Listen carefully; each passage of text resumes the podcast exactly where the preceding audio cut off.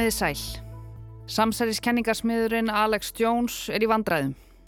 Hann er eitt sá allræmdasti sinnar tegundar í bandaríkjónum og hefur þurft að súpa segðið af því.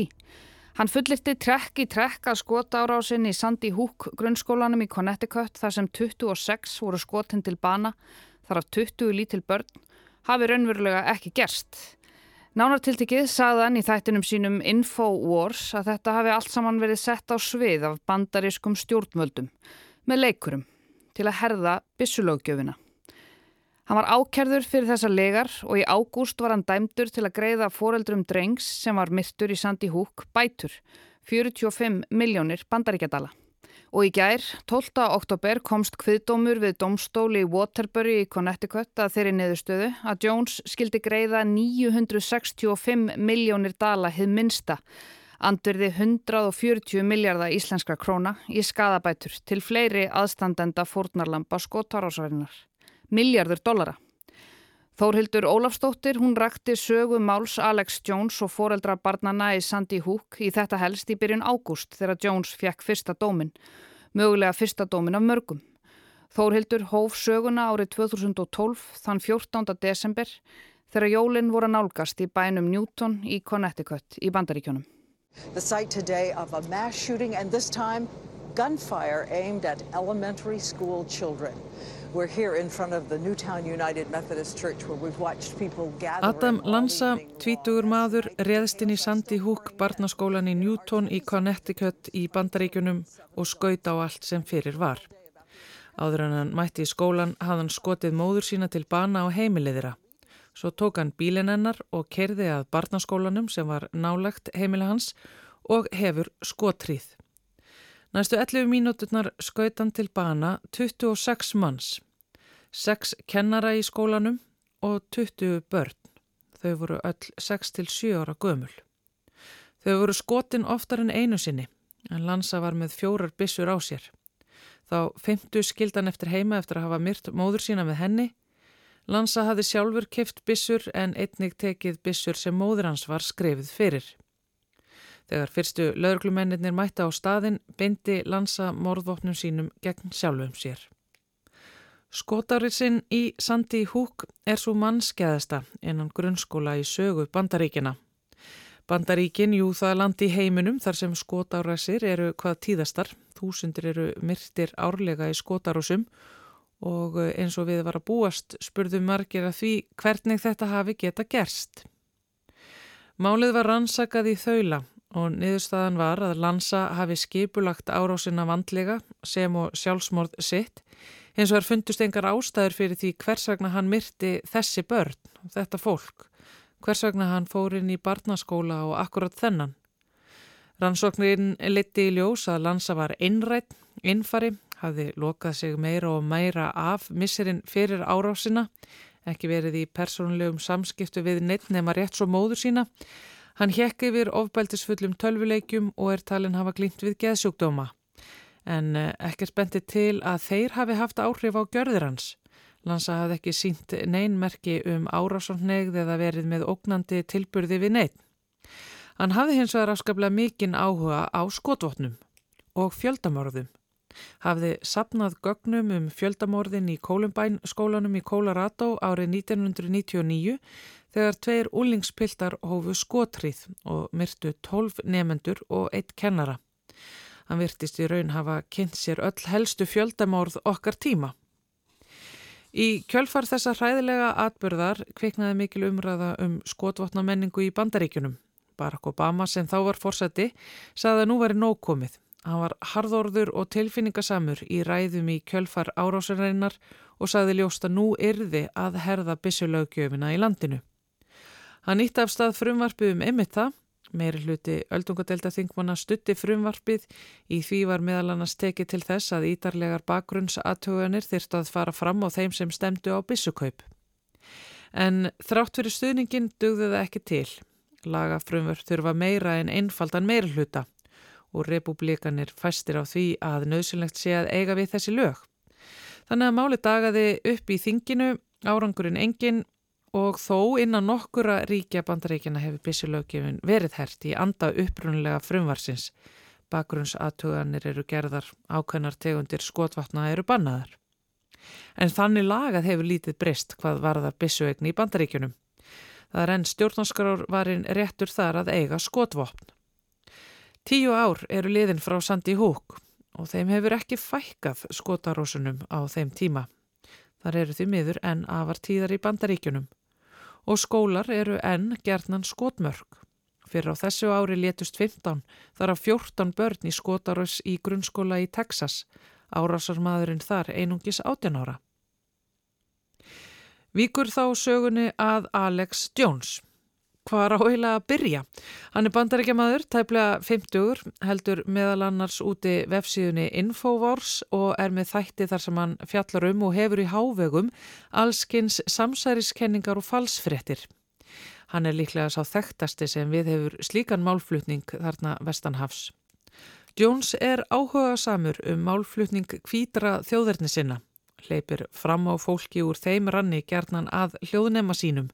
Hann hefur staðið við bakið á Trump forsetta í mörgum af sínum erendum, meðal annars þeim að Trump hafi raun sigrað forsettakostningarnar 2020.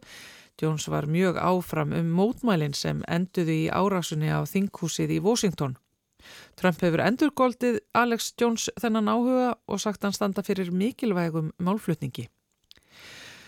Jones hefur sem sagt fjálglega tjáð sig um alls konar í ræðu og riti. Hann er íhaldsamur, hallur undir populískar kenningar auka hægri fólks, verður tíðrætt um djúbríkið svo kallaða sem eiga að vera einhvers konar samtök stjórnvalda og stóra fyrirtækja sem stýra bæði kerfum og fólki.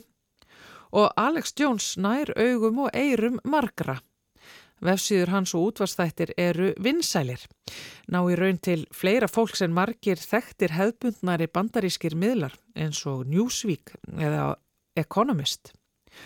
Og það er ekki bara samsæriskenningar og falsfrettir sem Alex Jones ber á borð fyrir áhagnendur sína. Hann selur líka alls konar varning sem hann auglýsir grimt með fram allri vittlesunni, til dæmis megrunarvörur, alls konar fæðubótarduft, tangkrem og uh, svo kallar heilapillur.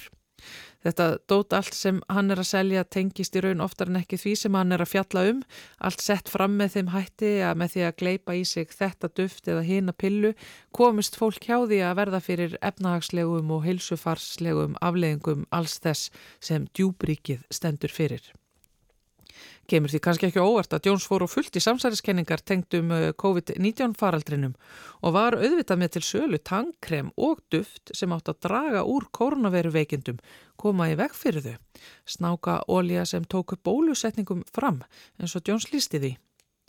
Alex Jones kemur víða við í málflutningi sínum. Hann hefur fjallað um að hriðiverka árásörnar 11. september hafi verið gerðar með vitund og vilja bandarískra stjórnvalda. Hann hefur rætt við fólk sem afnettar því að helfurinn hafi gerst. Hann hefur fjallað um tunglendinguna og þetta efast um hana og hann sagði að skotárasinn í Sandi Húk barnaskólanum væri lígi.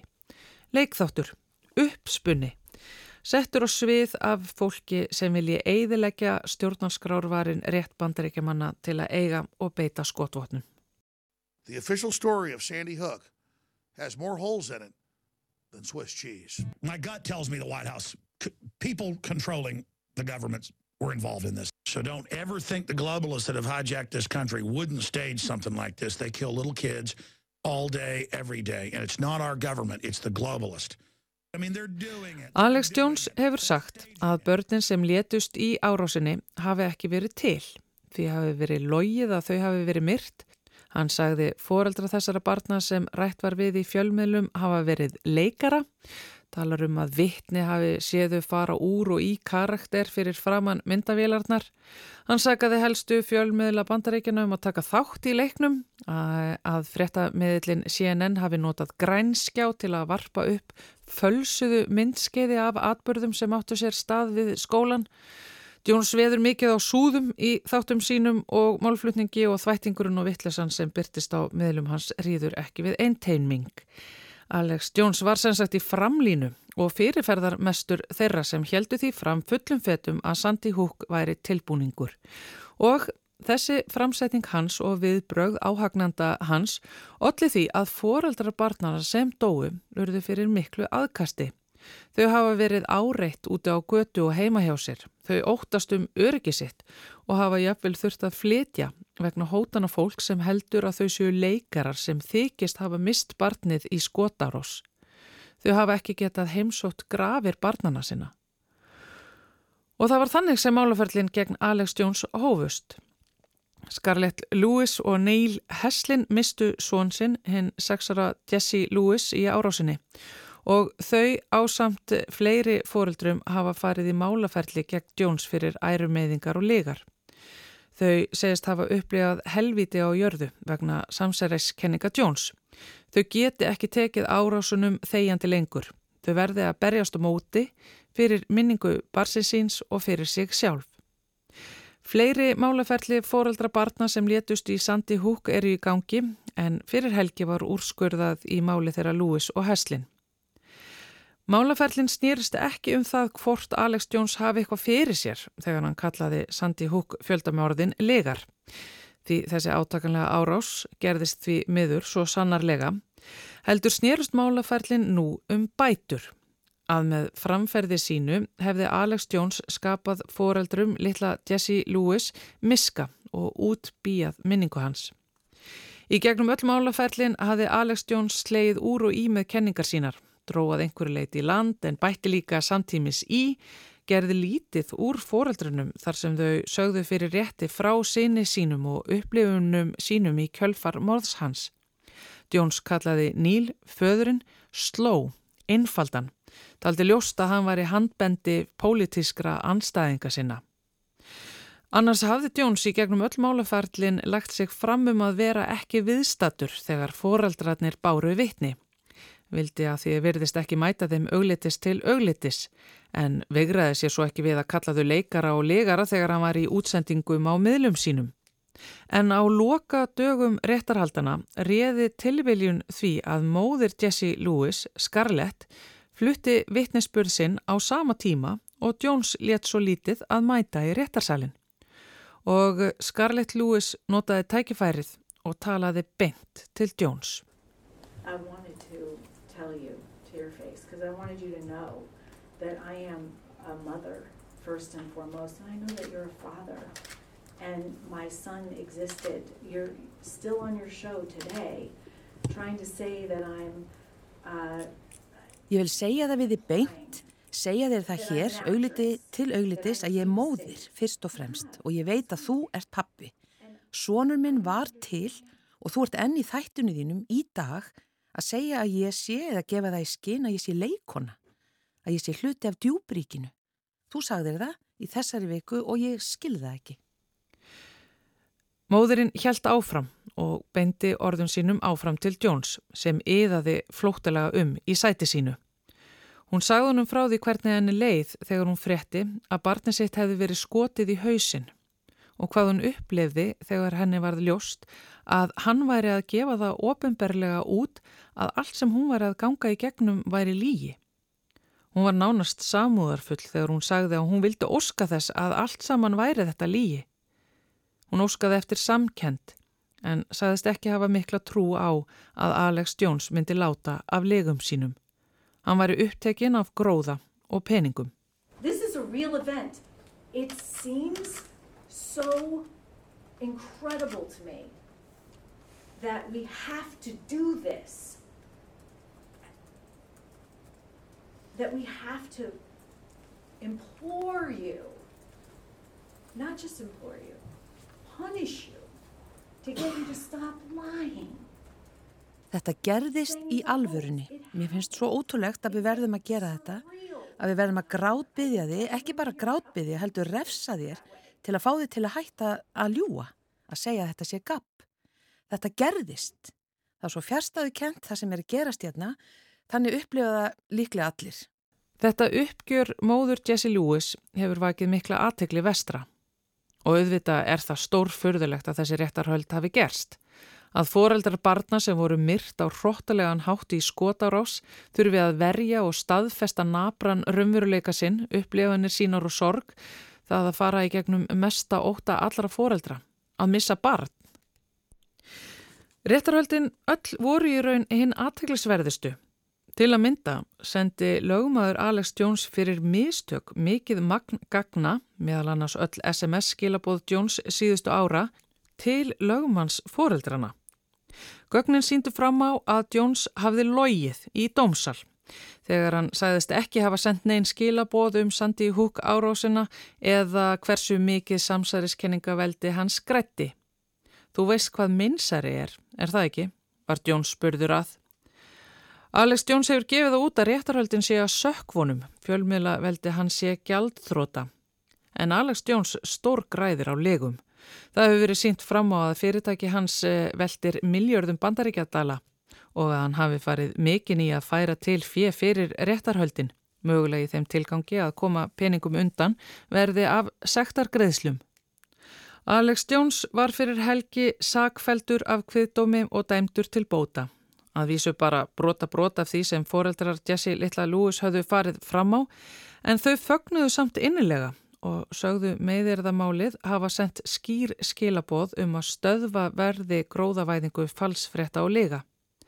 Fleiri málaferli býða svo Alex Jones, hann verður á öllum líkjendum dæmdur til frekari miskabóta. Mun það samt stoppan eða aðra samsæriskenningasmiði sem eira engu og alls ekki sannleika, staðrendum og raunveruleika, sama hverja það særir og meðir. Fyrirtaskýrindur segja að áfram muni legar og viðskiptamótel byggða þeim vera til. Samsæriskenningar fara ekkert, falsfrettir umlíkja okkur daglega. En það má segja að það sé búið að setja stoppara á hversu langt legar með að ganga. Og svo er bara að sjá hvaða haldi. Þetta var umfyllun okkar í þetta helst í byrjun ágúst um málaferlin gegn samsæriskenningasmiðnum og legaranum Alex Jones sem var dæmdur í gær til þess að greiða miljard dollara til aðstandenda fórnarlampa skótarásarinnar í Sandy Hook. Takk fyrir að leggja við hlustir í dag og við heyrumst aftur á morgun.